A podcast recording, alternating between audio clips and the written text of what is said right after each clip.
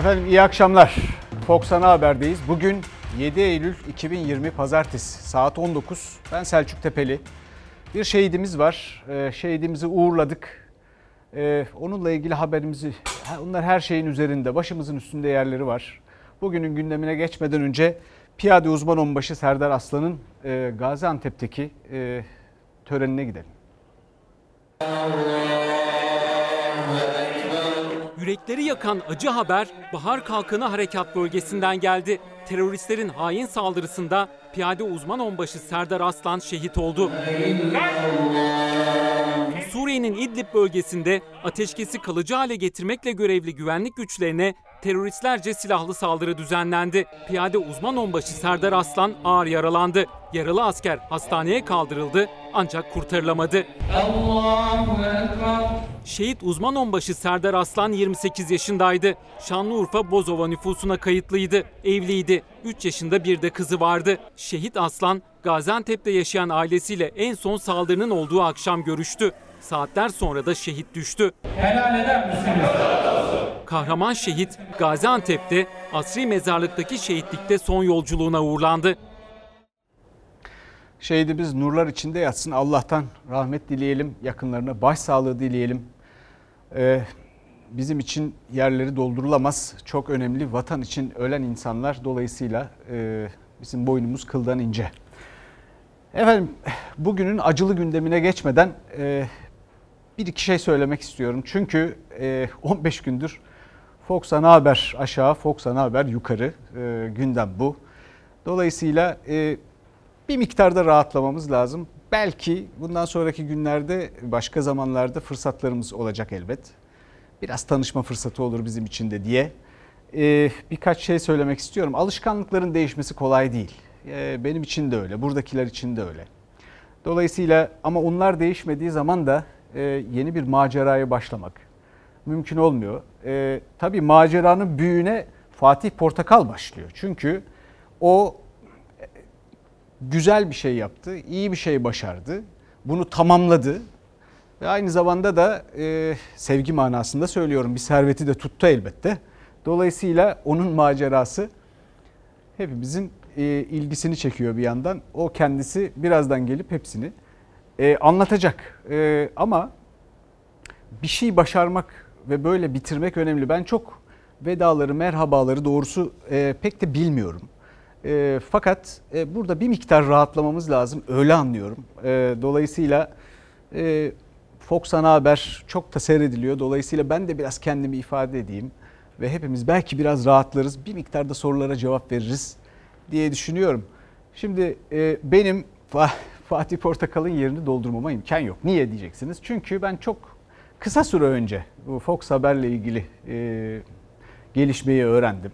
Dolayısıyla bu teklif bana geldikten sonra bunu anneme söylediğimde benim annemden bahsediyorum. Ee, önce Fatih Portakal ne yapacak diye sordu.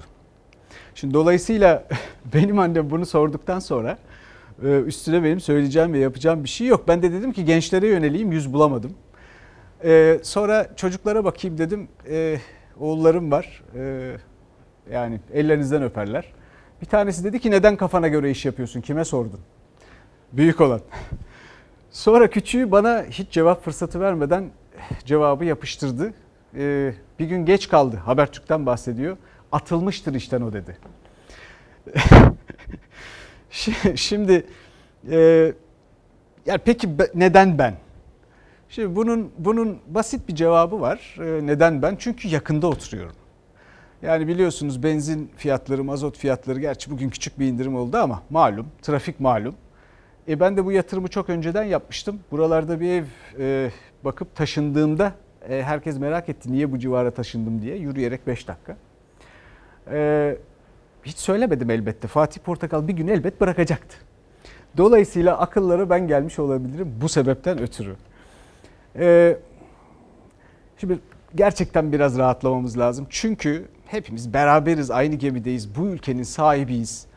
E, ve doğrusunu isterseniz bu ülkeyi seviyoruz. Sevdiğimizi her şekilde de belli ediyoruz. Burada da bunu yapacağız. Ee, bunu birlikte paylaşacağız. Beraber olacak. Siz de beni eleştireceksiniz. Bana katılacaksınız. Dolayısıyla Ee, bana sorarsanız kimsin sen diye ben size söyleyeyim. Ben hiç kimseyim. Neden hiç kimseyim? Aslında hatta bugünün şimdi bizim arkadaşlarımız tabela diyor ona. Ama ben bunu adeta bir dizi film gibi düşünüyorum. Ee, her bir bölümün adı e, o tabela dediğimiz şey. E, böyle bir isim koyacağız. Hiç kimse diyebiliriz. E, bu belki de yılın ismi bile olabilir. Efendim sen benim kim olduğumu biliyor musunculara karşı bu. Hiç kimse. Çünkü biliyorsunuz bıktık bunlardan. Yani sen benim kim olduğumu biliyor musun? Öyle herkes böyle etrafta o kadar çok var ki.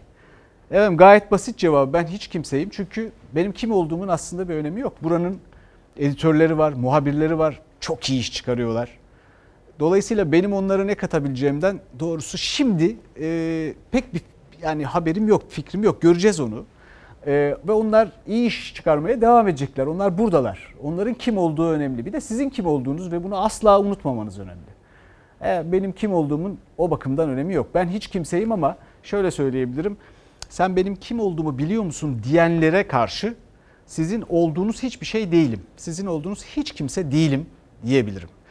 Ee, siz bu kadar öfkelenmeyin. Siz böyle bir şeyle karşılaşırsanız ki muhakkak karşılaşıyorsunuzdur. Sizin söylemeniz gereken şey hatta onlara söylemeyin bile. Yardım isteyin deyin ki burada hafıza kaybı yaşayan biri var. Kim olduğunu hatırlamıyor. Dolayısıyla desteğe ihtiyacım var. O bakımdan da bizim artık bundan kurtulmamız lazım. Bunun dışında pek çok şeyden de kurtulmamız lazım. Burada yüksek siyaset e, konuşmanın yanı sıra gündelik hayattan hayatımızı zorlaştıran, gündelik demokrasiye işaret edecek pek çok konuyu da taşımak istiyorum ki hayatımız biraz kolaylaşsın. Bu arada pek çok şey olup bitiyor tabii. Biz öyle bir çağa denk geldik ki yani olağanüstü bir zamandan bahsediyoruz. Neler oluyor? Covid'ler, şunlar, bunlar, salgınlar filan. Biz burada sadece olan biteni değil, bütün bu olan bitenin ne manaya geldiğini de anlatmaya çalışacağız. Farklı bakış açıları ortaya koyacağız. E, bu bakımdan e, siz alternatif görüşlerle, bakış açılarıyla elbette kararı siz vereceksiniz. Bu arada biraz kafa şişirebilirim çünkü biraz akademik bir kafam var. Böyle sistematik her şeyi bir arada anlatmaya çalışan biriyim. Şimdi mesela benim rejideki arkadaşlarım sağ olsunlar bana kucak açtılar. Şimdi bunları gördükleri zaman şu, şu, şu önümdeki kağıtları gördükleri zaman tüyleri diken diken oldu. E bunun üstüne ne yazıyor filan dediler. E ismimi yazdım yani birçok yere ismimi yazdım unutmayayım diye e, onu söylemek için. Çünkü bir de şunu soruyor insanlar heyecanlanıyor musun heyecanlı mısın? Ya heyecanlı filan değilim ama hissettiğim şey çok garip. Mesela yani sünnetçiye doğru yaklaşırken ne hissettiysem aşağı yukarı onları hissettim. Onu söylemem lazım buraya çıkarken. Çünkü acayip çok izlenen bir yerden bahsediyoruz. E, ve bakalım e, o bakımdan e, neler olacak onu göreceğiz. Efendim şimdi tanışmaya fırsatımız olacak. Pek çok sorunuz var. Onlara cevap vermeye fırsatımız da olacak. Ama ben bu ana haber bülteni benim şahsımla ilgili değil. Dolayısıyla burayı kendimle doldurmak istemiyorum. Zaman içinde hepsine cevap vereceğiz. Göreceksiniz. Şimdi Doğu Akdeniz'e geçeceğiz. Çünkü Doğu Akdeniz'de sıcak gelişmeler yaşanıyor ve giderek ısınıyor orası. Mavi vatan, mavi vatan için bugün ne yaptık? Neler oluyor? Orada bir çatışma çıkar mı? Asıl önemlisi o. Herkesin kafasındaki soru bu. Çıkarsa çıkar. Biz de gereğini yaparız. Bugüne kadar bu millet cepheden hiç kaçmadı. E, fakat doğru yolda mı ilerliyoruz? İşler nereye doğru gidiyor? E, bize verilen bilgiler e, nedir? Onları bir görelim önce. Oo, arkadakine full inceliyorsun. Defansif değilim. Ama öndekine çakabilirim. Karşılıklı tatbikatlarla suların daha da ısındığı Doğu Akdeniz'de tansiyonu düşürme çabalarına NATO'da dahil oldu. Milli Savunma Bakanı Akar, Ankara'da ittifakın askeri komite başkanı Orgeneral Piç ile görüştü. Ankara'nın bölgede haklarını korumakta kararlı olduğunu vurguladı. Türkiye Yunanistan arasında gerilim yüksek. Ankara'nın önceliği diyalog. Bunu her platformda dile getiriyor. Yunanistansa Fransa'dan aldığı destekle krizi derinleştirmekte ısrarcı. Yunanistan'ın uzlaşmadan ısrarla kaçması, hukuksuzlukların gölgesine sığınıp istikbal arayışına çıkması haydutluktur. Yunanistan'ın neredeyse kumsallarımıza kadar hak iddiasında bulunması çok bariz bir savaş dilidir. Dikkat! Atışlar! Ege'de adalara silah ve asker yığmayı sürdüren Atina, Türkiye sınırına da birlik sevk etme kararı aldı. Atina bir yandan da silahlanmaya hız verdi. Savaş uçağı satın almak için Fransa, fırkateyn almak içinse Amerika, İngiltere, Fransa ve Hollanda ile görüşmeye başladı. Gerek Ege'de gerekse de Doğu Akdeniz'de kıta sahanlığımızı, karasularımızı işgale kalkışanlar tarihi yanlışlarının bedelini çok ağır ödeyeceklerdir. Türkiye ve Yunanistan'ın çatışma riski NATO'yu harekete geçirdi. Genel Sekreter Stoltenberg'in iki ülke arasında teknik görüşmelerin başladığı açıklamasından hemen sonra NATO Askeri Komite Başkanı Orgeneral Peach Ankara'ya geldi. Milli Savunma Bakanı Hulusi Akar, Peach'i bakanlıkta kabul etti. Ankara'nın Genel Sekreter Stoltenberg'in diyalog çağrısını olumlu karşıladığını belirtti. Mavi Vatan'dan geri adım atılmayacağını vurguladı. Türkiye'nin Kıbrıs dahil Mavi Vatan'daki hak, alaka ve menfaatlerini korumakta kararlı, azimli ve buna muktedir olduğu ifade edildi. Yunanistan'ı Türkiye'ye karşı kışkırtmaya devam eden Fransa ise küstah tehditlerini sürdürdü. Dışişleri Bakanı Le Drian, Avrupa Birliği Liderler Zirvesi'nde öncelikli gündemin Ankara'ya yaptırım olduğunu söyledi. Doğu Akdeniz'de yükselen tansiyondan Ankara'yı sorumlu tuttu. NATO şemsiyesi altında Türkiye-Yunanistan kutuplaşmasına bir de Türkiye-Fransa husumeti eklenmiştir. Bu şekilde ne NATO'nun devamı ne de bölgesel ve küresel barış ortamının tesisi ihtimal dahilinde olamayacaktır. Efendim sahada donanmamız sürekli teyakkuz halinde. Aylardır o çocuklar denizde mavi vatanı korumak için. Masada neler oluyor? Bu tür ortamlarda zirvelerde Avrupa Birliği'nin uluslararası pek çok kuruluşta Avrupa Birliği'nin hemen tüm kurumlarında çalıştım. Bakın bu ortamlarda e, sahada tamam da bu ortamlarda birçok insanın elini sıktıktan sonra yapmanız gereken ilk şey parmaklarınız yerinde mi saymaktır. Dolayısıyla bununla ilgili detaylara bugün biraz kalabalık gündemimiz. Bir de Fatih Portakal gelecek. Onu da çok bekletmek istemeyiz. Dolayısıyla buna sonra gireceğim ama bir önerim var. Bana kalırsa bu tür müşkül durumların içinden mükemmelen çıkan bir Mustafa Kemal Atatürk'ümüz var bizim. Bir de üstelik yendiği adamların hayranlığını kazanmış. Sonra onun önünde saygı duruşunda bulunmuş insanlardan bahsediyoruz. Bu muasır medeniyet, batı dünyası filan. Ben e, yerinde olsam bu ülkede e, karar vericilerin Mustafa Kemal Atatürk böyle durumlarda ne yapardı diye sırf bu soru üzerine araştırma yapacak bir ekip kurar. Doğrusu onların tavsiyelerini dinlerdim. Efendim şimdi koronavirüsü ile ilgili mücadelemize dönüyoruz. Ee, koronavirüsünde işler pek iyi gitmiyor. Şimdi ben bu sayfamı da çevireyim. Şimdi burada bir takım notlar aldım. Ee, bu koronavirüsü meselesi e, sandığınızdan büyük. Şimdi anlıyorum kendinizi yalnız hissediyorsunuz. Çünkü pek çok e, önlem aldınız. E, bunların bir kısmını e, bir takım kararlarla, resmi kararlarla, yasaklarla uyguladınız. Baktınız ki bir yere varılamadı. Aşı püh, bir başka bahara ne zaman gelecek belli değil. Bu arada 170 aşı projesi var. Bunlardan 34'ü 3. E, aşamasında tamamlamış. 9 tanesi ise insanların üzerinde uygulanabilir durumda şu anda. Ama hala vakit var ve bizim ona kavuşmamız epeyce zaman alacak. Dolayısıyla biz neredeyiz? Covid-19'a karşı, bu koronavirüsüne karşı biraz yalnızız, tek başınayız. Ee, ve Covid-19 karşısında da emin olun e, hepimiz hiç kimseyiz. Buna siyasiler dahil. Şimdi mesela bakın burada testte bile torpil lazım diyoruz. E niye? E çünkü belediye başkanıysanız hükümetin partisine, AK Parti'ye e, e, efendim üyeyseniz, efendim bir e, göreviniz varsa e, işte e, e, eğer bir resmi görevinizde olup aynı zamanda partiliyseniz filan siz her gün çay içer gibi test yaptırabiliyorsunuz. Dışarıdaki insanlar siz yaptırabiliyor musunuz? Hayır yaptıramıyorsunuz. Gidin bakalım ne olacak. E onu bildikten sonra bir işe yaramıyor. E yaramıyor çünkü bu virüsün karşısında hepimiz hiç, hiç kimseyiz.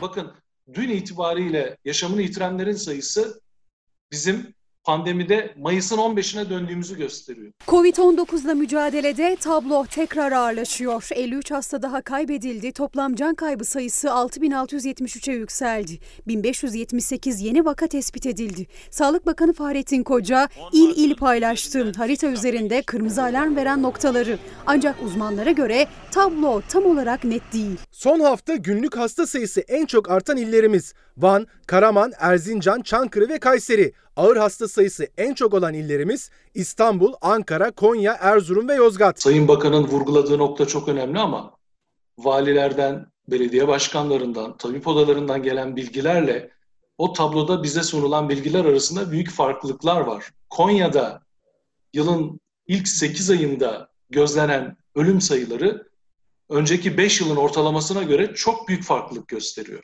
Tartışılan tabloda ağır hasta verileri de önemli. 1102 durumu kritik olanların sayısı. Test sayıları da dikkat çekici. 96 binden fazla yeni test yapıldı ve yaklaşık 5 ayda 7 milyondan fazla test sayısına ulaşıldı. Ancak testlerin kime nasıl yapıldığına ilişkin hala soru işaretleri var. Çünkü kişi değil yapılan test sayısı paylaşılıyor. Kaç kişiye test yapıldığını bilmediğimiz gibi aynı zamanda test yapılanların özelliklerini de bilmiyoruz. Yani test hastalık bulgusu gösterdiği için mi yapıldı? Hasta olanların temaslarına mı yapıldı? Ya da tarama amacıyla mı yapıldı? Covid-19 olduğunu açıklayan İskenderun Belediye Başkanı'nın son bir ayda 5 kez test yaptırdığını da söylemesi bir kez daha dikkat çekti test sorununa. Şüpheyle hastaneye gittiğimde bu testi rahatlıkla olabiliyor muyum? Hayır, siz ben test yaptırmak istiyorum diye bir kamu hastanesine gittiğinizde eğer olası vaka tanımına girmezseniz size test yapmıyorlar. Doğrulanmış vakaların temaslarında da eğer bir hastalık bulgusu yoksa onlara da test yapmıyorlar. Biz bu politikayı bakın 6 aydır eleştiriyoruz. Sağlık Bakanlığı'nın test politikası yanlış. Ayrıcalıklı kişiler kolaylıkla test yaptırma olanağına sahipken sıradan insanlar ve maalesef sağlık çalışanları gibi risk grubunda yer alanlar test yaptıramıyorlar. Özel laboratuvarlara test yaptırma yetkisi verilmesi de sorunun bir başka boyutu. Çünkü hem sadece maddi gücü olan rahatlıkla ulaşabiliyor bu teste hem de doğru verinin paylaşımı konusunda soru işaretleri doğuruyor. Özel laboratuvarlara verilen yetkilerde insanların para verip bu testi yaptırdığı iddiası var. Günlük kaç test yaptığını, bunların sonuçlarının ne olduğunu ve kimlere test yaptıklarını bunları görmemiz gerekir. Dikkat çeken bir başka nokta ise yaşın düşmesi. Sağlık Bakanı Fahrettin Koca'nın son bir ayda 20 ila 40 yaş aralığındaki gençlerin virüse yakalandığını, zatüre gelişen hastaların %11'inin de yine bu yaş grubundan olduğunu açıklamasıyla gözler bu kez çalışan, çalışmak zorunda olan işçilere çevrildi. Mersin ve Gaziantep'te özellikle tekstil çalışanları tedbirsiz ve zor şartlarda çalıştıkları için ses yükseltti. Onlarca işçinin Covid'e yakalandığı, hatta işçilerin Covid'den öldüğü fabrikalarda dahi üretime ara verilmedi, verilmiyor. Başpınar, OSB'deki fabrikalarda en az 11 işçi Covid-19'dan hayatını kaybetti. Bunlar sadece bize bilgisi ulaşan, sahadan net olarak öğrenebildiklerimiz. Gerçek sayının çok daha fazla olduğunu herkes biliyor. Evet şimdi e, bana kalırsa e, garip bir çelişki yaşıyoruz. Çünkü siyasiler mesaj vermeye çalışıyor. Ee, Sayın Cumhurbaşkanı çok yakındı kurallara uyulmadığından dolayı şikayetçi. Fakat aynı zamanda da bir miting düzenleyebiliyor Giresun'da ee, ve orada mesafe yok, pek çok kişide maske yok. Partisinin milletvekili ise 1500 kişilik bir e, düğün yapıyor oğluna. Efendim şimdi ben de başka bir şey diyemiyorum doğrusu. Dediğini yap, yaptığını yapmadan başka. Çünkü söylenenler doğru ama e, yani eleştiriler uygulamada gördüklerimiz pek bunlarla uyuşmuyor. Kocaeli Milletvekilimiz Cemil Yaman Beyefendinin oğlunun nikah merasimindeyiz. Vazgeçin bu dönemde şu düğünlerden. Buralardan aldığımız olumsuz haberler bizleri üzüyor. Nikah törenleriyle bu işleri bitirmek suretiyle bu dönemi gelin atlatalım. Sayın Erdoğan kendi gitti. Sel felaketi yaşanmış yerde miting yaptı. Adını keyif çayı koyduğu çay attı insanların kafasına. Böyle bir sistemde ele verir talkımı kendi yutar salkım modeli olamaz. Sarayın kibirlisi de çıkmış milleti suçluyor. Sanki daha bir hafta önce Giresun'da vatandaşlarımızı balık istifi şeklinde meydana toplayan kendisi değilmiş gibi. Cumhurbaşkanı Erdoğan düğün yapmayın nikahla yetinin dedi. Vatandaşa korona uyarılarını yinelerken tam da AK Partili vekilin 1500 kişilik nikahlı düğünü tartışılırken muhalefet önce sel felaketinin yaşandığı Giresun'daki mitingi hatırlattı Erdoğan'a sonra da Kocaeli'deki o düğünü balık baştan kokuyor diyerek. Siz orada miting yaparsanız sizin milletvekiliniz 1500 kişilik düğün yapar. Ondan sonra bakın şu hale e, bunun neticesinde korona patlar. Sonra döndürüp vatandaşı suçlarsanız olmaz, olmaz. Balık baştan kokuyor. Bütün mesele bu. Vazgeçin bu dönemde şu düğünlerden. yemekli merasimlerden, maske, mesafe kuralına uymaya davet ediyorum. Vatandaşın düğününe bir saat sınırı konuyor. İstanbul'da sosyal mesafeyi hiçe sayarak kına yaptınız diye 11 kişiye 35 bin lira ceza kesiliyor. Fakat AK Parti'nin milletvekili hiçbir kural ve sınıra uymayarak 1500 kişilik düğün yapıyor. Bu ülkede yasa, hukuk, ceza bir tek fakir fukara milletimize mi işliyor? Yemek, ikramlar, tabağı boşaltmışsın. Erdoğan AK Parti Kocaeli milletvekilinin oğlunun düğününü hiç anmadan konuştu. Üzülüyoruz demekle yetindi. Kurallar kimin için ve neye göre sorular arasında Gelecek Partisi Genel Başkanı Ahmet Davutoğlu da filyasyon yani saha tarama ekipleriyle ilgili bir iddiayı dillendirdi. Hiçbir şekilde filyasyon ekibinde çalışmamasına rağmen sırf ek ödeme alsın diye isimleri bu listelere yazılan çalışanlar olduğunu duymaktayız. Bu haberler doğruysa hem bir nepotizm hem de bu salgını istismar eden en rezil bir yolsuzluk söz konusudur. Artan eksilmeyen vakalar, uyarılar, sorular, iddialar. Pandemi tartışması bitmeyen en sıcak gündem. Benim bu durumdan anladığım siyaset bu virüse karşı çaresiz. Dedik ya hepimiz hiç kimseyiz diye. Şimdi yarın detaylarına gireceğiz. Burada bugün biraz sıkışık olduğu için değinemediğim öyle bilgiler var ki. Bakın 6 ay sonra dünyada ve ülkemizde beklenen vaka sayısını söylediğimde yarın gerçekten korkabilirsiniz. O yüzden siz şimdi siyasilere falan bakmayın. Kendi önleminizi bence alın. Çünkü bu ciddi bir meseledir. Bir yandan da sağlık çalışanlarımızla ilgili tabii büyük bir sıkıntı var. Çünkü onların korunması lazım. Oysa şimdiye kadar açıklanan rakamlarla 53 sağlık çalışanımızı kaybettik. Ee, daha fazla olduğu iddiaları var. Efendim sağlık çalışanları yorgunsa, güvende değilse hiçbirimiz güvende değiliz. Bunu bilin. Şimdi e, Heybeliada'ya gideceğiz. Heybeliada'da bugün büyük tepki çeken bir tabii gelişme yaşanıyor orada. Ne bu gelişme? 1924 yılında Mustafa Kemal Atatürk'ün e, isteğiyle açılan bir e, sal, Türkiye'nin ilk salgın e, pandemi e, hastanesi burası. Efendim göğüs hastalıkları aynı zamanda veremle mücadele ve aynı zamanda göğüs cerrahisi. E, buranın e, 660 yatak kapasitesi var. Efendim yüzü doktor olmak üzere 220 personeli var. Dolayısıyla çok tecrübeli bir yerden bahsediyoruz. Diyanet işlerine devredildi. Bu ortaya çıktı. Ee, şimdi burası siz bununla ilgili bir şeyler söylerseniz e, yani bununla ilgili e, eleştiride bulunursanız söylenecek şeyi ben size hemen burada ya bu bir iddia benim iddiam tabii hemen burada not edeyim. Ya işlevi kalmamıştı artık. İşlevi kalmadıysa o hastanenin kendi başarısıdır. Demek ki bir şeyleri ortadan kaldırmış, bitirmiş. Dolayısıyla sahip çıkmak lazım. Şimdi salgın sırasında o kadar çok ihtiyacımız var ki böyle hastanelere üstelik yalıtılmış hastanelere ama biz ne yapıyoruz? Biz orayı gidiyoruz Diyanet İşleri Başkanlığı'na veriyoruz. Diyanet İşleri Başkanlığı ne yapıyor? Biliyorsunuz şu tarikat şeyhi iblis var ya 12 yaşında bir çocuğa göz dikti ee, ve hakkında da 42 yıl hapis istendi. İşte onları gözden kaçırıyor. Bu arada Diyanet İşleri Başkanlığı'nın 8 bakanlıktan, MİT'ten 40 kadar ülkenin gayri safi milli hasılasından daha fazla bir bütçesi olduğunu buraya eklemek isterim. Dolayısıyla bu adamlarla uğraşacağına bu kadar geniş imkanlarla başka şeyler yapıyor. Bu hastaneyi de bana kalırsa biz salgın için kullanmalıyız. Heybeliada'daki pandemi hastanesinin şu pandemi döneminde Diyanet İşleri Başkanlığı'na devredilmesi şaka gibidir. Sayın Erdoğan'a öneriyim. Ne kadar şehir hastanesi varsa hepsini Diyanet'e bağlasınlar. Sayın Erbaş görülüyor ki çok acayip yetenekli bir arkadaşımız. Atatürk'ün emaneti Heybeliada'daki Türkiye'nin ilk pandemi hastanesi Diyanet İşleri Vakfı'na devredildi. Salgın günlerinde bu devir işlemi muhalefeti konuşturdu. Bunun arkasında olsa olsa şu olabilir. Diyanet İşleri'nin ve Diyanet Vakfı'nın çok fazla miktarda parası vardır. Bütçenin durumu da malumdur. Saray Diyanet işlerine vermek suretiyle onarsınlar istemektedir diye düşünüyorum.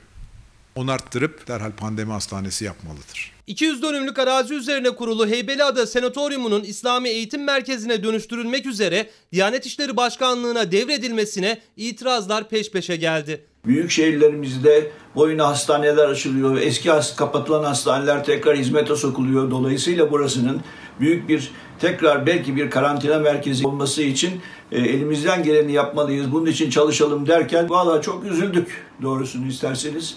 Bu kararın yanlış olduğunu düşünüyoruz ve düzeltilmesi gerektiği için elimizden geleni yapmak istiyoruz. Türk Toraks Derneği Sanatoryum Hastanesi'nin karantina merkezi olması için imza kampanyası başlattı. İstanbul Tabip Odası karar kabul edilemez dedi. İktidar kararından geri adım atar mı sorusu sorulurken Meral Akşener'in cevabı dikkat çekti. AK Parti'nin yöneticilerinin hiçbir zaman geri adım atmadıkları tek bir konu vardır.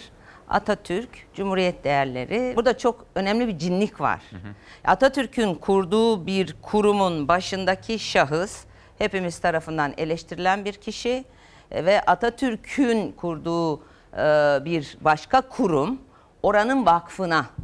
O vakıftan sonra nereye gider ne olur onları ben bilemem. Yanlış. Atatürk'ün emaneti 80 yıl sağlık alanında hizmet veren Heybeliada Pandemi Hastanesi için henüz iktidar ve Diyanet İşleri Başkanlığı'ndan ses yok. Karardan geri adım atılır mı? Gözler şimdi bu sorunun yanıtında. Efendim Hazine ve Maliye Bakanı Berat Albayrak bir pembe tablo çizdi ekonomiyle ilgili olarak. Ekonomide geldiğimiz nokta biraz doktor ne yersen ye dedi e, evresi gibi aslında. Dolayısıyla e, biz şimdi bir haberi izleyelim ondan sonra üstüne bir değerlendirme yaparız. Normalleşme adımlarıyla ekonomimizi yeniden rayına oturttuk.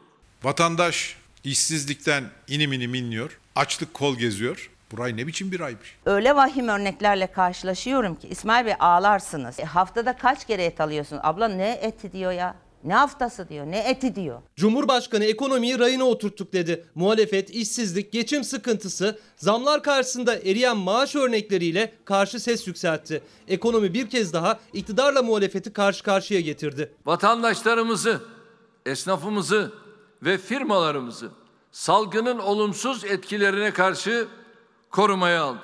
Esnafa, tüccara, vatandaşa destek diye borç verdiler. Onu da herkese veremediler. 40 yıldır kendisine vergi ödeyen esnafa 40 gün bakabilmesini beklerdik. Yapabildiler mi? Hayır. Türkiye'yi kur, faiz, enflasyon üzerinden sıkıştırma gayretlerini boşa çıkarmayı sürdüreceğiz. Siz varken dış mihraklara ne gerek var? Zaten dış mihraklara el ele vermişsiniz. 2019'dan beri 60 milyar doları da ahmakça yabancılara dış mihraklara satmışsınız. Koskoca ülke bir grup liyakatsiz komplocu cahil elinde heder olup gidiyor. Cumhurbaşkanlığı hükümet sisteminin getirdiği avantajları en iyi şekilde kullanarak hamdolsun ülkemizi bugünlere kadar getirdik. İçeride dünya lideri, dışarıda pısmış kedi olan saray sanırız anlattığı hikayelere kendisi de inanmıyordur. Bu ucube rejime geçildiğinden beri milli gelirimiz 145 milyar dolar eridi. Özel okullardan bahsediyorum ve tedbir alınmadığı takdirde takır takır takır iflas eder kapanır. 750 bin insanı dolaylı olarak işsizler ordusuna katmış olursunuz. Öğrenci başına 10 bin lira işletme kredisi verilmesini öneriyoruz. Önemli bu. Akşener ilçe ilçe gezerken tuttuğu notlarla ekonomiyi anlatırken özel okulların da sıkıntısını dillendirdi. IMF tartışması ise karşılıklı sözlerle yine alevlendi. IMF'e olan 23,5 milyar dolarlık borcumuzu ödeyerek ülkemize ekonomik bağımsızlığını yeniden biz kazandırdık biz. O borcun yarısını alan bir kere kendisi. Yetmez IMF kapısını en son çalan başbakan da kendisi. Biz asla IMF kapısını çalan bir iktidar olmayacağız dedik. Ve olmadık. Geldiğinde 129 milyar dolar olan Türkiye'nin dış borcunu 431 milyar dolara çıkardığından bahsetmiyor. Covid-19 salgını olmasaydı 40 milyar dolarlık turizm geliri bütçemizde vardı. Cari açık değil, cari fazla rakamıyla devam etmiş olacaktı. Teyzemin bıyıkları olsaydı amcam olurdu gibi bir laf. Gerçeklikten kopulmuş durumda. Ekonomi Bakanı ekonominin E'sinden anlamıyor. İktidarın ekonomi başlığında kurduğu her cümlede muhalefet hem Erdoğan'ı hem de Berat Albayrak'ı hedef aldı. Tabii işte benim en çok korktuğum şey bir sürü şey söylemek istiyorum. Birçok not alıyorum ama bu 45 dakika bize nasıl yetecek onu pek bilemiyorum. Ekonomiyle ilgili burada gerçekten şimdiden itibaren söylemeye başlayacağım bir şey var. Türkiye yapısal reformlara ihtiyaç duyuyor. Pansuman böyle küçük küçük efendim e, bir takım geçici önlemlerle filan biz bu meseleyi halledemeyiz. Yapısal önlemlerin başında da bence ne geliyor biliyor musunuz? Türkiye'de bir müteahhit cuntası var efendim. e, bu e, müteahhit ve inşaat vesayetinden bu ülke kurtulmadığı sürece bizim işimiz zor. Bunu daha sonraki yayınlarda başka günlerde biraz daha e, detaylandıracağız. Evet şimdi bir araya gideceğiz ama aradan sonra Fox Haber Genel Yayın Yönetmeni e, Doğan Şentürk ve efsane Fatih Portakal benimle birlikte olacaklar. Efendim hoş geldiniz. Merhaba, sağ ol. Teşekkür Kısa bir aradan sonra. Efendim işte o an geldi. E, Fox Genel Yayın Yönetmeni Doğan Şentürk ve efsane Fatih Portakal birlikteyiz. Bakın ben size bir şey söyleyeyim. Her şeyi soracağız. Onların haberi yok şimdi ama ortalık karışacak. Onu bir kere baştan söyleyeyim size. Bir defa e, zaten bu tarım meselesi e, Yılmaz Özdil de yazdı. Yılmaz Özdil benim tenkit etmek için değil, inanmak için okuduk okuduğum köşe yazarlarından biridir. Her zaman katılmam. E, ama o bile yazdı. Hatta şöyle bir mesaj kaygısıyla, bir altyazıyla. E, ben organik tarımcı değilim diye. E, doğrusu ben e, organik tarıma pek inanmam. E, biraz fetiş işi o. Yani pek de öyle olmuyor o işler. Şöyle bir, bir şekilde insanlar özeniyorlar. Organik tarım diye bir marka var ortalıkta. Fakat bakalım e, Fatih Portakal ne yetiştiriyormuş? Nerede yetiştiriyormuş? Biz nasıl böyle tarımda birleştik? Aynı paydada birleştik? E, bunları da konuşacağız ama e, önce sormak istediğim bir şey var. Tabii. Abi ne yapıyorsun ya? Ne yapacaksın şimdi sen artık? Öncelikle herkese Ve baş- merhaba. benim başımı 10 yıl sonra niye belaya soktun? Yok yok. Bence bence çok iyi yaptınız. İnanın bana çok iyi yaptınız. Yani ben e, sizi tanımıyorum, siz de beni tanımıyorsunuz ama ben sizi burada geldim birkaç saattir gözlemliyorum E, ve layık olduğunuzu düşünüyorum. Ha ben ne yaptım? Öncelikle de başarılar diliyorum. Çok çok Çok başarılı teşekkür oldum. Gerçekten. Bunu Bu can önemli, yürekten Bu söylüyorum. önemli benim için. Doğrusu ben ilk karneyi e, bu buradaki bu kıvamı, bu ilgiyi yaratan insandan Estağfurullah, almaktan estağfurullah. dolayı çok mutluyum. Ee, şimdi- Memnunum ve yani bir kere yeri dolmaz Fatih. Yok bak Yani öyle o- demeyin. Onu bir kere baştan Yok yok baştan ben onu yok. de. Var gerçekten ben Ee, çünkü bir tarz, bir stil Evet, yarattı. öyle. Ee, Doğan Şertürk'le beraber. Ee, doğrusu şimdi vazgeçilmez ve çok Şeyi e, kabul etmiyorum ben. Efsaneyi kabul etmiyorum ama işimi iyi yapıyordum. Neticede neticede Doğan abi yıllardır tanıştığımız insan. Neticede iyi bir yerde çalışıyorum ben. Yani bana özgürlük ortamını sağlayan bir yerde Ya müthiş bir çalışıyorum. ekip var Evet. burada tabii. Müthiş Aşağıdaki ekip yani süper arkadaşlarım var, süper dostluklarım var. Zaman zaman gerildik, ettik ama yani ayağa kalktık, birlikte yürüdük, birlikte adım attık. O ekip ruhuyla çalıştık. O yüzden ben çok şanslıyım. Ha ben yani işimi seviyorum. Gerçekten seviyorum. Severek de yaptım.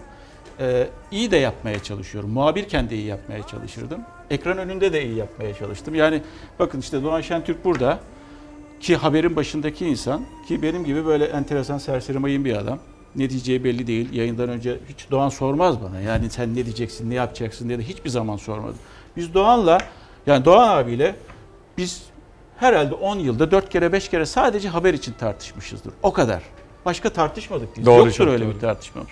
Ve ben o yüzden çok şanslıyım. Yani Fox Haber'in, e, Fox'un özgürlük alanı ardından işte burada son mesela e, genel müdür olan Cenk, ekip, başta Doğan olmak üzere, Doğan Şentürk olmak üzere yukarıdaki herkes ismini sayamayacağım herkes. Şimdi bir tanesi ismi saydım, diğerini saymazsam olmaz. O yüzden efsaneyi kabul etmiyorum ama başarılı bir bülten çıkartıyorduk. E, ve ben şunu düşündüm. Belki o soruyu soracaksın ben cevabını vereyim. Özür dilerim. Herkes bir şeyler yazdı. Herkes bir şeyler söyledi. Herkes bir senaryo kurdu-. Ben normal karşılıyorum. Gerçekten normal karşılıyorum. Ama benim ne dediğim önemli. Ben sadece Selçuk şu sorunun e, cevabını aradım. Dedim ki kendi kendime. Mutlu musun? Mutluyum. Türkiye'nin bilinen bir insanıyım. Emeğimin karşılığını alıyorum. Efendime söyleyeyim, e, bülten çok iyi gidiyor. E, çok izlenen bir bülten. Ama daha mutlu olabilir miyim? İnan. İşte aşağıda söyledim daha. Cenk'le konuşurken aynı şeyi söyledim ben sana. Çok doğru. Ve ben bu sorunun cevabını İstanbul'da bulmadım. İzmir'de buldum. Ha artık ha, bir şeyleri tutuyordum. 25 yıllık bir tutmaydı bu. O tutmayı da artık bırakmam gerektiğini düşündüm. Yani bu tamam mıdır, devam mıdır bilmiyorum. Ama şu anda bırakmam gerektiğini düşünüyorum. Ben böyle daha mutluyum şu an için. Ha üzülenler oldu vesaire ama sen demişsin ya hiç kimse diye bugün tabela hiç kimsenin doldurulmayacak insan yok. Siz burayı layıkıyla dolduracağınıza inanıyorum ve çok da başarılı olacağınıza inanıyorum. Çünkü uyumlu bir ekiple çalışıyorsunuz. Başka da bir senaryo yok yani. Ee, doğrusu çok teşekkür ederim. Allah razı olsun. Yani Estağfurullah, bu e, bu yaklaşım Türk medyasında ben uğurlandığım yerde de Habertürk'te de olağanüstü uğurlandım. Tabii. Yani Turgay Ciner'e. Siz de keyif almışsınız. Kenan. Tekdağ. Çok teşekkür ederim oradaki arkadaşlarıma. Buraya geldim. Burada olağanüstü kucaklandım. Bunda e, hem Doğan Şentürk'ün hem e, senin Fatih Portakal'ın çok rolü var. Estağfurullah. Doğrusu. Estağfurullah. E, ve bu Türk medyasında pek rastlanan bir şey değil. Yani bütün bu olan biten tabii acayip ekip ruhuyla ilgili bir şey. Biraz önce e, Fatih bahsetti ya. Ya Osmanlı 4. Murat'a kadar ekip ruhuyla geldi. Sonra o ortadan kalktığı için sonra da o hallere e, Evet. girdi. Ben ama burada sizin Buradaki ekip uyumunuzun ruhu çok iyi ya- olduğunu gördüm. Evet. Onu söyleyebilirim. Gerçekten iyi olacak sizin için. Evet. Evet. Peki bu ekip ruhundan biraz e, yani sırrını ben merak ediyorum. Doğan Şentürk belki bir şeyler söyler. Sonra e, hala korktu kaçtı diyenler var. Biraz Tabii üstünde öyle. durmak ben, istiyorum. yani. Selçuk istersen sen az önce Fatih ile benim ortak yanım nasıl oldu böyle tarım çıktı derken izleyicilerimize, yurttaşlarımıza bir şey söyleyeyim. Fatih ile tabii iki aydır görüşüyoruz işte bu ya zamanı değil Fatih bırakma şöyledir böyledir tasvip etmiyorum saygı duyuyorum aldığın kararlara.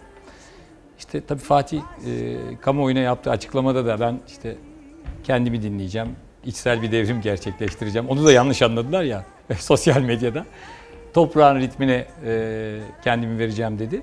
Sonra biz tabii Fatih, Fatih'le artık e, evet e, Fatih'i Evet. kendi yoluna bırakacağız dedim. Abi çok Ve, uğraştı gerçekten e, yani. Ama ben yani burnunun dikine gitmesini Ee, seven bir adamım. Karar vermiştim. Sonra Selçuk'la buluştuk tabii. Şimdi Selçuk'la konuşuyoruz. Selçuk hafta sonu dedi bahçedeydim. Tarımdaydım. Allah Bana dedim. Tamam. gelme.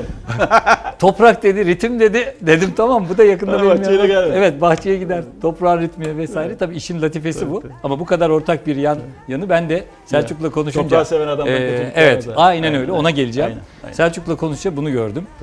Ee, Fatih'in de dediği gibi toprağı seven adam çok önemlidir. Ya niye önemli? Çünkü Ee, tabiatla, tabii oradaki barışıksın. organizmayla, Aynen öyle. efendim bakteriyle, şunla bununla uzlaşmak zorundasın. Aynen, Ortak aynen. çalışmak Aynen, zorundasın. Bu memleket bunu unutuyor. Aynen. yani. Şimdi bugün giremedik. Örneğin bizim e, öyle haberlerimiz vardı ama bugün çok doluydu gündem. Önümüzdeki günlerde gireceğiz. Çok konuşacağız. Benden belki de bıkacak insanlar. Çünkü bu tarım meselesini bu memlekette halletmemiz lazım. En önemli konulardan. Sonra aç kalırız. Aynen. Allah korusun. Ekip ruhu dedin. Onu söyleyeceğim. Şimdi tabii Fatih e, dünkü yayında da söyledim. E, söylemiyle eylemleri tutarlı olan bir adam. Yani söylediği gibi yaşayan ve yaşadığı gibi de söyleyen bir adam. Bu Türkiye'de çok önemli bir mesele. Yani e, ya göründüğün gibi ol ya olduğun gibi görün diyor ya Mevlana. E, ekip ruhunun bence asıl kreması bu bu insanların bir arada olması. Gazetecilik açısından bagajının boş olması. Gazetecilik açısından herhangi bir kimsenin arka bahçesi, herhangi bir kimseye bağlı olmaması. Vicdanının söylediğini dile getirmesi. Fatih böyle biriydi. Ee, biz tabii Fatih'le burada ondan önce de helalleşirken burada da söyleyeceğim. Ee, bir kere en önemli şey kuruma e, hakkını helal et Fatih bizlere. Zaman. Çünkü Evet. 10 yıl boyunca çok güzel kilometreleri birlikte koştuk. Ya Doğan çok ilk konuşma nasıl oldu? ya? Çok büyük. Nasıl oldu ilk konuşmanız? Siz Hadi. bunu, bunu nasıl Evet, söyledi Vallahi Fatih? ben Temmuz Fatih? başında karar verdim. Ee, Doğan abiye telefon açtım. Herhalde 5-6 Temmuz filandı. Temmuz'un başıydı. Ha, başıydı, başıydı. Yani ama kararı vermiştim ben. Çok nettim yani. Net olmayı da seviyorum. Doğan abi inanmadı. Ben zaten aşağı yukarı bir 45-50 dakika konuştuk. Ben 5 dakika konuştum, 45 dakika Doğan abi konuştu. Ondan sonra... Bak onu da Ha, hesaplamış. tabii canım herhalde. Ee, şey, e, ayın 20'sinden sonra tekrar konuşalım dedi ama yani ben söyleyecek bir şeyim kalmadı benim. Yani düşünsene 7 yıldır sabah haberlerindeyim. Şey ana haberdeyim. 3 yıl sabah haberi yaptım. So- Son 6 yıldır tartışmasız lider gidiyoruz biz. Ben artık son 2 sene reytinglere bile bakmıyordum. Arkadaşlarım biliyor yani. Ben kendimi tekrar etmeye başladım. Ekranda söyleyecek sözüm yoktu, kalmadı. Hep aynı şeyleri söylüyordum ve bıktım ya. Gerçekten yani aynı şeyleri tekrar etmek. E Şimdi haberleri seyrediyorum. Onu söyledim Doğan abi. 3 aydır televizyon seyretmiyorum. Aynı yerde bırakmışım. Yani aynı şeyler, aynı şeyler, aynı şeyler. Ve rekabetsiz olmak Selçuk, rakipsiz olmak inan bana insanı e, şeye boşluğa düşürüyor ve e, bir rakip arıyorsunuz kendinize. Bir rekabet edecek birisi arıyorsunuz ama yok. Size yetişemiyorlar. En yakın rakibinize fark atmışsınız çünkü arkadan geliyor haber merkeziyle birlikte. Ya bu- Tahtaya vuralım mı? Çok Şöyle. çok- Bundan Ya sonra bu devam edecek. zor bir şey ki. Çünkü bu ülke e, pek çok meslekte pek çok benim gibi sıradan insanı. Hepimiz Fatih, öyleyiz. Yani kahramanlığa zorluyor. Bütün bu Aslında ne kadar yükünü işimizi yapıyoruz. omuzlarına almak Bak bir zorunda gün bir kalıyor. şey İşimizi oldu. yapıyoruz. Bak bir gün bir şey oldu. Bu kararı verdikten sonra işte İzmir'deyim, yaşadığım yerdeyim. Bir tane e, erkek bir izleyici belli seviyor. Sen de tek başına muhalefetsin dedi. Ya ben böyle bir role bürünmek istemiyorum ki. Bu ülkenin muhalefet partileri var vesaire. Ben böyle bir misyonum yok benim. Ben haber sunan basit bir adamım. Ha haberi evet izlettirmeye çalışıyorum. Amacım bu. Ama o lafı söyledi zaten kopuyorsun. Ya diyorsun ya tekrar bir tartmaya başlıyorsun. Ben muhalefet değilim ki. Ve bir de en önemlisi Muhalefetin de muhalefetisin ya da. Ya ben ya Herkesin özgür bir ortamda sesimi çıkartıyorum Gayet bu kadar tabii. yani. Bir de şu var Fatih. Herkesin angaja olduğu, aktivist olduğu, dünkü yayında da söylediğim bir ortamda hiç önemli değil. Bu taraf o taraf. Yoldaş, candaş, Tabii, aynı yandaş. yani, hepsini ayırt etmek için söylüyorum.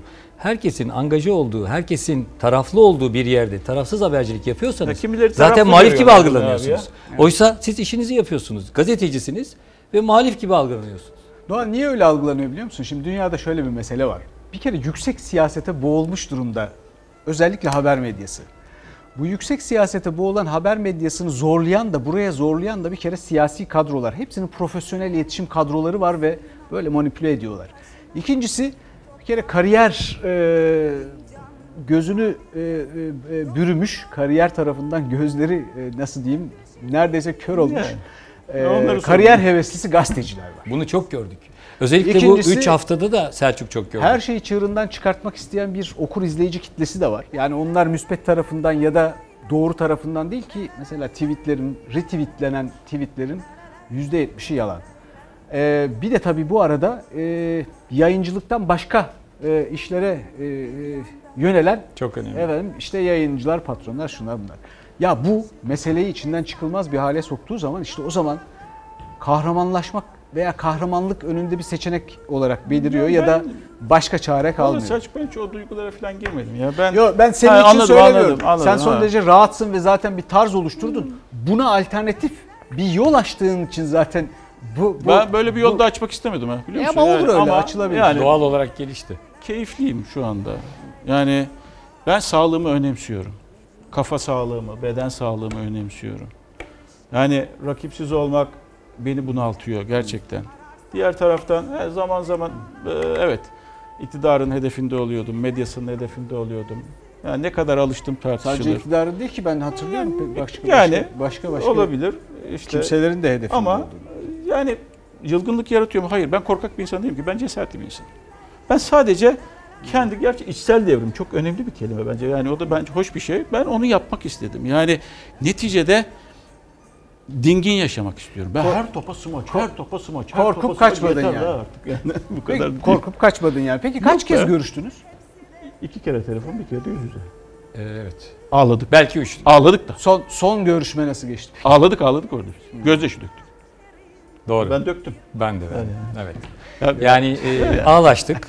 Hatta böyle e, İstanbul'un e, çok e, önemli bir e, yerinde bir restoranda buluştuk. E tabii tanınıyoruz. Fatih tabii ekranda daha çok tanınıyor. Biz bakıyorlar tabii çevreden ne oluyor falan diye Selçuk. E, kolay değil. Dediğim gibi güzel kilometreler koştuk. Fatih e, hem ekip anlamında, e, ekibin bir parçası anlamında hem televizyona, kanala, haber merkezine verdiği katkı anlamında çok önemli e, bir isim ve ben bana göre Türkiye'de e, Türkiye'nin medya tarihine geçmiş bir isim. Son 10 yılda büyük katkıları olan, ülkedeki katılımcı demokrasiye çok büyük katkısı olan e, bir isim. Sadece bize hakkını helal etmesi yani Fox'a ve? Fox Haber'e e, hakkını helal etmesi değil, aynı zamanda yurttaşlara da hakkını helal etmesi lazım. Çünkü yurttaşların nefes alanıydı. Evet. Yurttaşlar 10 yıl boyunca izleyici Fatih'le bir nefes aldı. Ama Ee, o da sayesinde. Bak bunu inkar et. Bunu hiç kimse inkar edemez. Kendisi neler katlandı burada. Hepimiz yakın şahidiyiz. Hepimiz. Çok şeyleri göğüsledi. Ve o göğüslediği çok şeyleri yansıtmamak için de eline gelen her şey yaptı. Ben canlı şahidiyim yani. Ha, yaşardı ama işte sen kendine sekte vurma, sen kendine şey yapma diye. Bunun da sorumluluğunu üstünüzde taşıyorsunuz. Yani sizin Evet. ağzınızdan çıkacak bir cümle e, yani her şey olabilir. İşte geçen sene yaşadıklarımız. Üzülüyordum gerçekten o konularda. Yani ya benim yüzümden insanlar zarar görmesin. İşte bu Biz korkularımızla Aynen, e, yani- korkularımız bizi esir etmedi. Biz aynen öyle. e, biz e, evet çok doğru insanız. Önce gazeteci e, önce insanız sonra gazeteci. Korkmuyor muyuz? Korkuyoruz. Tehdit edilmiyor muyuz? Ediliyoruz. Ama korkularımızın bizi esir almasına izin vermedik. vermeyeceğiz de. Net. Bunu buradan herkese söyleyeyim. Bu Fatih için de geçerli şu anda. Bizler için de geçerli. Ama dediğim gibi vatandaşları da hakkını helal etmesi çok önemli. Çünkü Türkiye'de e, bir nefes alanı oldu. Bagajı boş, o omurgalı bir insan ve ne mutlu bize ki Fox Mesela Haber ailesine, Fox şu- ailesine yerine de gelen isim yine öyle bir isim. Şöyle bir şeyler vardı. Ben ilk defa konuştum. Başka da konuşmam. Ben içe dönük bir adamdır. Yani Doğan Ya ben de öyleyim. abi. Ben konuşmayı pek sevmem. Doğrusu biraz Ha, yani öyle arıyorlar arıyorlar falan. Ben hiç konuşmam zaten. Bu da son konuşmam olur benim. Ee, e, şey diyecektim. Yani işte Doğan'la konuşurken e, orada üzüldüğüm konulardan bir tanesi. Evet yani e, Temmuz'un başında söyledim. Belki geç kaldım söylemek için. Yani o konuda kendisini üzmüş olabilirim. Defalarca da hakkını helal et diye de söylemiş, söylemişimdir Helal olsun. kendisine. Hatta dedi ya bize bir, bir süre daha tanır mısın? Şöyle geçirdim kafamdan. Tamam abi sana bir süre daha tanıyayım. İyi de iyi ama ben kendi hayallerimi bu sefer gerçekleştiremeyeceğim. Yani yarın ne olacağımı bilmiyorum ki. Onu da yüzdüğümün farkındayım. İki ayağını bir pabuca soktum. Kusura Yo biz editoryal. Ben bu tarafında şuydu. Şöyle Vallahi. e, kanal ve Fox Haber açısından editoryal çözüm her zaman bulunur. Bu benim için de, senin için de, Selçuk için de, içerideki arkadaşlar için de, bütün yöneticiler için geçerli. E, kanalların sürdürülebilirliği vardır. E, fakat benim oradaki şeyim Selçuk, Fatih'le e, diyalogumuzda henüz çok genç ve e, çok verimli bir çağında mesleğe, Türkiye'ye katkıları çok büyük. E, kendisi Kimse açısından, kendisi açısından Kimse öyle görmüyor. biz öyle görüyoruz. Ee, ve dolayısıyla e, emin misin kendi adına bir karar alırken? Çünkü burada bir de bu taraftan baktığında genel yayın yönetmeni olarak değil, aynı zamanda bir dostu, bir kardeşi olarak da bunu söyledim. Yani bunu öyle e, e, yönelttim. Yani sen e, bu kararı doğru aldın mı? Bunun e, mühendislik hesaplarını iyi yaptın mı diye e, söyledim. Çünkü çok önemli zirvede bırakmak ama tabii saygı duymak lazım. Yani Ö- ö- önemli bir düşünürün güzel bir sözü var. Diyor ki insanın dünyada iki doğum günü vardır. Bir doğduğu gün, bir de ne yapmaya ve ne olmak istediğine karar verdiği gündür. Fatih bana göre şu anda ikinci doğum gününde. Evet. İkinci doğum gününü kutluyor. Dolayısıyla da bundan sonrası teferruattır. Gerisi onun mutluluğudur. Aynen. Bize ayağına taş değmesin, hakkını Sağ helal ol, et demek düşer. Yalnız ben tanıdıkça bir e, tehlike görüyorum. Şimdi ben de benzer biçimde davranıyorum. O beni de aşıyor. Şimdi biz mütevazı insanlarız. Fatih Portakal e, her haliyle bunu zaten sergiliyor. Buradaki 10 yıllık yayın hayatında da hep görüldü bu. Fakat bir arkadaşım bir gün bana dedi ki ya tevazunla böbürlenmek gibi saçma bir şey yapma. Şimdi bu tuhaf bir çelişki. Ee, bir yandan da elbette o söylemeyecek. Fakat olağanüstü başarılı bir 10 yıl olduğu çok açık. Dolayısıyla dediğim gibi bu yoldan yürümek e, çok kolay bir şey değil. Yani öyle bir beklenti var ki yani şu anda herkesin 15 gündür bana söylediği beklenti çok yüksek. Şimdi bu beklentinin ne seviyede olduğunu ben görebiliyorum. Ee, ve bunun karşılığını vermek, senin gibi vermek Ya ama yani çok zor, imkansıza yakın. Dolayısıyla Biz- başka bir şeyler yapmamız biz lazım. Selçuk e, eminiz. Neden eminiz? Çünkü dedim ya az önce bizim için geçerli olan şu taraftır. Bakın ben öğretmen çocuğuyum. Babam rahmetli ilkokul öğretmeni. Bize hep şunu söylemiştir anneme. Annem Neriman Şentürk. Neriman çocukların karnesinde sol tarafa bakma sağ tarafa bak. Hayat bilgisi, Türkçe, matematik bunların hepsi hallolur. Burası öğretim tarafı. Diğer taraf eğitim tarafı. Nedir eğitim tarafı? Karnenin sağ tarafı nedir? Bugün medyada gazetecilerin karnesinin sağ tarafına baktığında bir, bagajın dolu olmayacak arkadaş. Kimseye angaja olmayacaksın. Bu ülkenin kurucu değerlerine, dün de söylediğim gibi Cumhuriyete, ebedi başkomutan Mustafa Kemal'in kurduğu Cumhuriyete sadık olacaksın. Ve kimsenin adamı olmadan muhalefetin, iktidarın sadece gazetecilik yapacaksın. Soracaksın, sorgulayacaksın ve saklamayacaksın. Bu Fatih için de geçerli, bunda da var ve sende de var. Bizim için karnemizin sağ tarafı doğru olduğu sürece Selçuk, hiç bunu gözünde büyütme. Biz her şeyin üstesinden geliriz. Fatih de geldi, sen de geleceksin, hep beraber de geleceğiz. Bunda hiç beis yok. Bunlar hiç baskı unsuru olmasın. De- Elbette Fatih çok önemli çıtayı bir yere getirdi. Tabii. Şimdi bize düşen görev kardeşimizin, arkadaşımızın o getirdiği çıtayı devam ettirmek. Bir de Çünkü Türkiye'nin buna ihtiyacı var. Ya ekran samimi insanı arıyor gerçekten. Yani bu samimiyetsizlik içerisinde, bu hani doğalsızlığın içerisinde samimi insanı arıyor. Sen o samimiyeti verirsen arkadaş, yani sen de çok başarılı olacağına eminim zaten de iyi bir haber merkezinde çalışıyorsunuz. O yüzden ben bir sıkıntı görmüyorum. Çok da güzel olacağını düşünüyorum. Size de gerçekten yolunuz açık olsun. Ha ben de şey yapmayacağım yani tarım çiftçi değilim ben onu da söyleyeyim. Yani Yılmaz abinin dediği gibi orada espri yapmış tabii de veya işte yandaş birkaç tane adamın dediği gibi ben çiftçi falan değilim. Ben Ama- toprağın ritminde yaşamaya Ama gidiyorum. böyle ara ara sanki böyle arada bir böyle tarladan, çiftçiden konuşup konuşacakmış. Yok abi Bir durum. yani ben çiftçiyim dersem saygısızlık yapmış olurum Anlıyorum, ailesine, anlıyorum. çiftçi, Eyvallah. yurttaşa. Yani ben Ya o kadar ben o kadar az toprağın ritminde sana yaşamak ihtiyacımız istiyorum. var ama. Bak son Bak, 12 ama bak, yılda bak son 12 yılda yüzde 48 azaldı Türkiye'de İşte çiftçi sayısı. bak ben ne yapıyorum? Sana biz ne yapıyoruz? var. Eşimle birlikte ne yapıyoruz biz? Biz ata tohumu yapıyoruz mesela. Evet. Ata tohumundan yiyoruz, içiyoruz. Ha ben çiftçilik suyu iki döneme kendim ekiyorum. Domates, biber, salatalık, patlıcan, biber yani neyse. Ben toprağın ritminde yaşamak istiyorum bu sene. Ne demek onu da açıklayayım. Yılmaz abi zannedersen veya diğerleri oradan esinlendiler. Toprak deyince çiftçilik yapacak. Hayır abi. Ben artık az önce söyledim ya her topa smaç vurmaktan yoruldum. Ya biraz şöyle karşılayayım, biraz manşet karşılayayım yani değil mi? Biraz dışarıdan seyredeyim. Ben sadece daha sakin, böyle mevsimlerin geçişini izleyerek, kimileri hala daha inanmayacak. Ya ay işte tehdit var, ondan inanmıyorlar gitti, şu anda gitti, korktu kaçtı Var, ya da başka korktu bir projesi var. yani, yani Hala o- şu anda öyle neler öyle neler öyle Selçuk neler neler? Yani yok iktidar para verdi yok korktu Evet kaçtı ya. yok bilmem ne. Dün Vallahi burada bu- yayında da söyle ya e, izleyicilerimiz şu anda bizi izliyor. Buyuz biz ya. Yani şu anda ne konuşuyorsak kamera arkasında En da ilginç buyuz. kamera önünde de buyuz ya. Yani En ilginç senaryolardan onu okudum. kendi meslektaşlarımız için de söylüyorum. Bak en ilginç senaryolardan biri 8 ay önce siz konuşmuşsunuz. Ya, Fox genel tabii. işte müdürleri falan konuşmuş. tabii. İşte Fatih'i gönderelim biz filan. Ya ben bu insanların Rütük ceza kestiğinde neler yaşadığını biliyorum. Yani Doğan'ın bana gelip e, Cengin gelip ya arkadaş sen moralini bozma sen iyi gidiyoruz sen dediğinde bir şey yok. Dediğimde bir şey yok zaten de. Yani ama nasıl mücadele verdiklerini biliyorum. Onun için burada diğer insanların söyledikleri değil. Yani burada işte Doğan Şentürk'ün ne söylediği benim ne söylediğim önemli. Yani korkup kaçma yok. Sa efendime söyleyeyim senaryo yok. İşte şirket böyleymiş yok. Yok para vermiş yok. Öyle bir şey yok. Tarım yapacakmış çiftçi yok. Sadece ya biraz daha huzurlu ve şu sorunun yanıtı. Daha fazla nasıl mutlu olabilirim? Daha fazla nasıl mutlu olabilirim yanıtı benim için artık burası değildi. İzmir'di. O kadar. Bitti. Bitti gitti. Ya bunun dışında zaten yok ki başka bir şey. Bir senaryo yok, bir şey yok. Ya yıllardır tanıyor beni Aynen ya. Ne burnunun dikine giden adamım ben. O yüzden yani kimse senaryo uydurmasın ya. Ama ilginç Ben sen de belki inanmıyorsun şu anda. Yok. Ben, ben inanırım. Ama İnan ya, vallahi. benim Ben başında inanırım. Selçuk bir şey söyledi. Anneme gittim dedi. Dedim ki Fatih Portakal bırakıyorum. Yerine ben geleceğim. Ben öyle demedim hayır. Böyle böyle dedim. Böyle bir teklif Evet. var. Ben Fatih Portakal'ın doğruya doğru ismini telaffuz etmedim o anda. Evet. Bana söylediği hiç onu duymadı.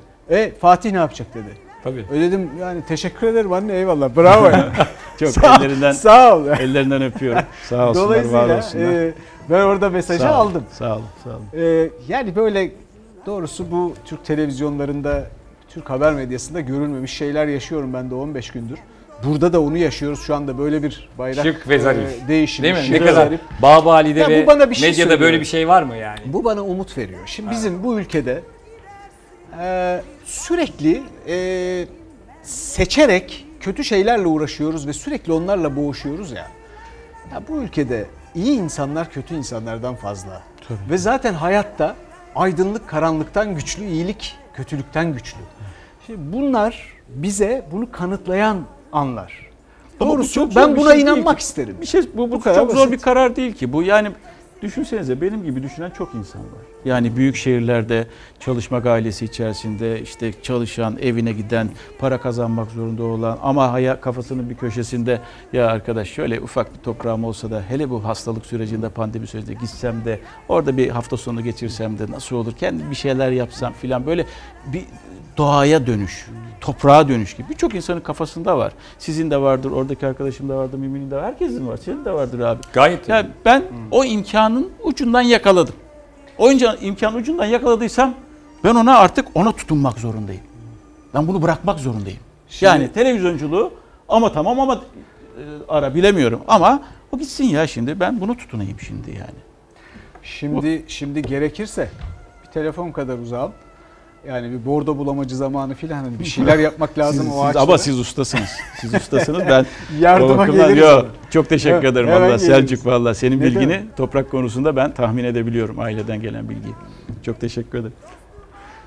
Peki. Valla bitsin istemediğim dakikalar bunlar. Vallahi Ee, mekanın sahibi sensin, yeni sahibi. Aynen estağfurullah. 10 yıl sonra bu mekana konuk olarak girmek kimse- var. hiç Çok teşekkür ederim. Mekanın yeni sahibi. Ben Şimdi, başarılar diliyorum e, hocam size. Ama bir Gerçekten. şeyler Sağ olun. söylemen lazım. Son sözleri sen söyle ki ben ondan sonra e, Valla ben hep konuştuğun Jimmy'ye Jimmy'ye mi söyleyeceksin. söyleyeyim? bu arada. Peki. Ee, arkadaşlar ben çok teşekkür ediyorum. 3 yıl sabah haberlerinde, 7 yıl ana haberdeydim. Ve 10 yıl boyunca gerçekten Fox Haber'de iyi şeylere imza attık. En başta da bir kez daha söylüyorum. Doğan Şentürk ve çalıştığım, beni rahatlatan insanlar sayesinde. Tek tek isim saymayacağım burada. Haber merkezindeki veya rejideki veya e, prodüksiyondaki arkadaşlarımı hep, her birinin ismini saymam mümkün değil. Kapıdaki görevliden her türlü yemekhane hizmetini veren arkadaşlarımıza. Ben hepsine ayrı ayrı teşekkür ediyorum. Sağ olun, var olun. Ve sizlere de ben çok teşekkür ediyorum. Ama benim ve ailemin böyle bir şeye ihtiyacı vardı. Böyle bir sakinleşmeye, böyle bir dinginleşmeye ihtiyacı vardı. Kararı inanın zor vermedim. Sadece iki gün konuştuk. Üçüncü günün sonunda Doğan Şentürk'ü aradım ve ben dedim gitmek istiyorum. Beni azat et. Bilir cümlede burada. Sağ olsun, var olsun. O da evet uğraştı, çok uğraştı. Ama sonunda kararlılığımı da gördü. Ben bir kez daha sevseniz de sevmeseniz de sevmek zorunda değilsiniz. Ee, ama sadece bu ortamda özgür fikirlerimi paylaştığım için de çok şanslıyım. Bir şeyleri bırakmam gerekiyordu artık. Onu bıraktım. Yeni bir şeylere tutunmak zorundayım. Onu tutmaya çalışacağım. Ha bu tamamen bir gidiş midir yoksa bu bir ara mıdır onu da gerçekten bilmiyorum. Sadece kendi halimde kalmak istiyorum. Kendi halimizde kalmak istiyoruz. Ve böyle yaşantıdan da keyif alacağımı düşünüyorum. Zaten basit bir yaşantım vardı. O basit yaşantıma da aynen devam edeceğim. Şimdi sevgili Doğan Şentürk'e de bir kez daha teşekkür ediyorum. Sevgili kardeşim sana da çok Biz teşekkür, teşekkür, ediyorum. ediyoruz. Estağfurullah. Hem kendi adıma hem haber merkezimiz adına. Estağfurullah. Hem Ya bir kanalımız şeycik daha adına. söyleyeyim mi abi? Size de çok başarılar diliyorum. İnanın ben e, sizin samimiyetinizi algıladım. Yani şey insanı anlayabiliyorum. Yani içten pazarlıklı insanı anlayabiliyorum ve sevmiyorum öyle tipleri. Ama sizden ben iyi bir enerji aldım. Bu haber merkezinde de büyük başarılara imza atacağınızı düşünüyorum. Çok da başarılı olacağınıza inanıyorum ki şanslısınız. Böyle insanlarla çalışıyorsunuz. Ben böyle insanlarla çalıştığım için de çok şanslıydım. Sizin de çok şanslı olduğunuzu görüyorum. Siz de temiz yüreğinizle iyi olduktan sonra bu bülten her zaman birinci gelir. Çok teşekkür Ve ederim. etkili olur. Allah utandırmasın. Sağ Amin, olun. amin. Sağ olun. Çok teşekkür ederim. Bunları- Konuk ettiğiniz için. Çok Sağ teşekkür ederim. Sağ olun abi. Evet ben de gördüğünüz gibi e, her şey açık açık konuşuldu. Yani 3 haftadır 4 haftadır Selçuk'un dediği gibi senaryolar yazıldı çizildi. E, Fatih'e bu yeni yaşamında başarılar diliyoruz. Sağ ol. Tekrar söylüyorum ayağına taş Sağ ol. değmesin. Fatih. Hepimizin Hakkını helal et. Estağfurullah, sen de. E, biz Selçuk Tepeli ile hafta içi Fox Ana Haber'de e, hafta içi Çalar Saat'te İsmail Küçükkaya ile Çalar Saat'te Demokrasi Meydanı'nda hafta sonu İlker Karagöz'le e, hafta sonu Çalar Saat'te, Gülbin Tosun'la hafta sonu Fox Ana Haber'de ve hafta sonları pazar günü gündüz kuşağında Merve Yıldırım'la benden söylemesinde yolumuza devam edeceğiz. Sapmadan e, devam edeceğiz. Bildiğimiz yolda devam edeceğiz. E, benim söyleyeceklerim de bu. Şimdi kötü adam olmak tabii bana düşüyor Yok, çünkü yok öyle bir şey e artık bağlamamız lazım Tabii. filan. O, Ha, o anlamda, pardon. Kafamı şişirip Ha, tamam, uyarıyorlar pardon. çünkü sürekli. O kulaktaki sesi çok duyacaksın ya, abi. Ya ya Orada. Efendim e, o zaman e, Çok teşekkürler. Estağfurullah biz Ee, teşekkür ederiz. Ben teşekkür Hakkını ederim. helal et Ne demek. gibi. Sağ olun. Ee, Estağfurullah. dolayısıyla her türlü öğüdü de başımın üstünde. Estağfurullah. Unutmayın, Sadece kulağıma küpe- öneridir. Küpe, küpe yapıp Sağ olun, tutmaya sağ olun, çalışırım. sağ olun, sağ olun. Ee, dolayısıyla ağırladığım için de burada Çok teşekkür ederim. Bütün Ben bu de- sohbet için çok mutluyum. Ben de onur duydum. Bu söylediğin şeyleri taşımak benim için kolay değil. Rica ederim. Bunları hak etmek kolay değil. Rica ederim, Onu rica söyleyeyim. ederim, rica ederim. Dolayısıyla çok teşekkür ederim. Rica ederim. Var olun. Sağ Selçuk olun. sana da hayırlı olsun. Hayırlı Eyvallah. olsun. İyi bir yayın dönemi diliyoruz. Ee, iyi ki geldin aramıza. Evet, iyi ki geldin. Birazdan İyi ki- söyleyeceğiz. Dışarıda beraberiz yine. Efendim şimdi e, tabii e, birazdan e, tekrar birlikte olacağız. E, başka küçük bir ilginç bir görüntüyle filan. E, bir reklam arası filan vermiyorum. Yanlış anlamayın. E, kendimden bahsetmeyeceğim dedim. Şimdi tabii burada çok çiftçilikten söz ettik. Ben biraz şizofren bir hikayeye sahibim. Köküm topraktadır. Ama epeyce Türkiye'de dünyanın değişik yerlerinde siyaset okudum. Dolayısıyla biraz gevezelik edebilirim. Ondan korkuyorum dediğim gibi. Efendim işte Selçuk Tepeli profil yazdığınızda Google'a ne olup bittiğini benim hakkımda e, öğrenebilirsiniz. Bu arada bana arkadaşlar lafım bitmediği için sonunda her bir yayının sonunda bir dakika ayırmaya karar verdiler. Ne o bir dakika? O bir dakikada ben söylemek istediğim bir şey söyleyeceğim. O söylemek istediğim şey bugün İstanbul Jazz Festivali. Efendim bu hafta devam ediyor. Ee, ve Jazz Festivali 17'sine kadar sürecek. Ee, muhakkak e, 17 Eylül'e kadar gidin. Çünkü Jazz Festivali, cazdan anlamam falan demeyin kimse anlamıyor. Ben bir ilk Biennale gittiğimde bir eseri yemiştim. Bunun e, ayrıntısını sonra anlatırım yine. Ama caz Türkiye demek. Mesela efendim Aretha Franklin'den Keşan'ın Sarıköylü e, Deli Selim'ine kadar herkes e, caz yapar ve Türkiye cazda vardır. Amerika'daki cazı bile e, efendim Münir e, e, uzattık diyor arkadaşlar. O zaman ben keseyim şimdi. Buna da devam edeceğiz. Amerika'daki cazı nasıl biz yaptık diye. Şimdi efendim biz dışarı gideceğiz. Fatih Portakal'ın vedasını görüyorsunuz dışarıda. Ben de şimdi birazdan oraya gideceğim. Efendim genel müdürümüz The Walt Disney Company genel müdürü Cenk Soner de kucak açanlardan biriydi. Kendisi orada E, ve aynı zamanda da oradaki küçük bu kutlamanın bu görüntülerin veya bu vedanın arkasından Yasak Elma'nın yeni sezonu başlıyor. Onu da unutmayın. Havasına, suyuna, taşına, toprağına Bin can feda bir tek dostuma Her köşesi cennetin ezilir yerler için Bir başkadır benim memleketim Lay lay lay lay lay lay lay la La la lay lay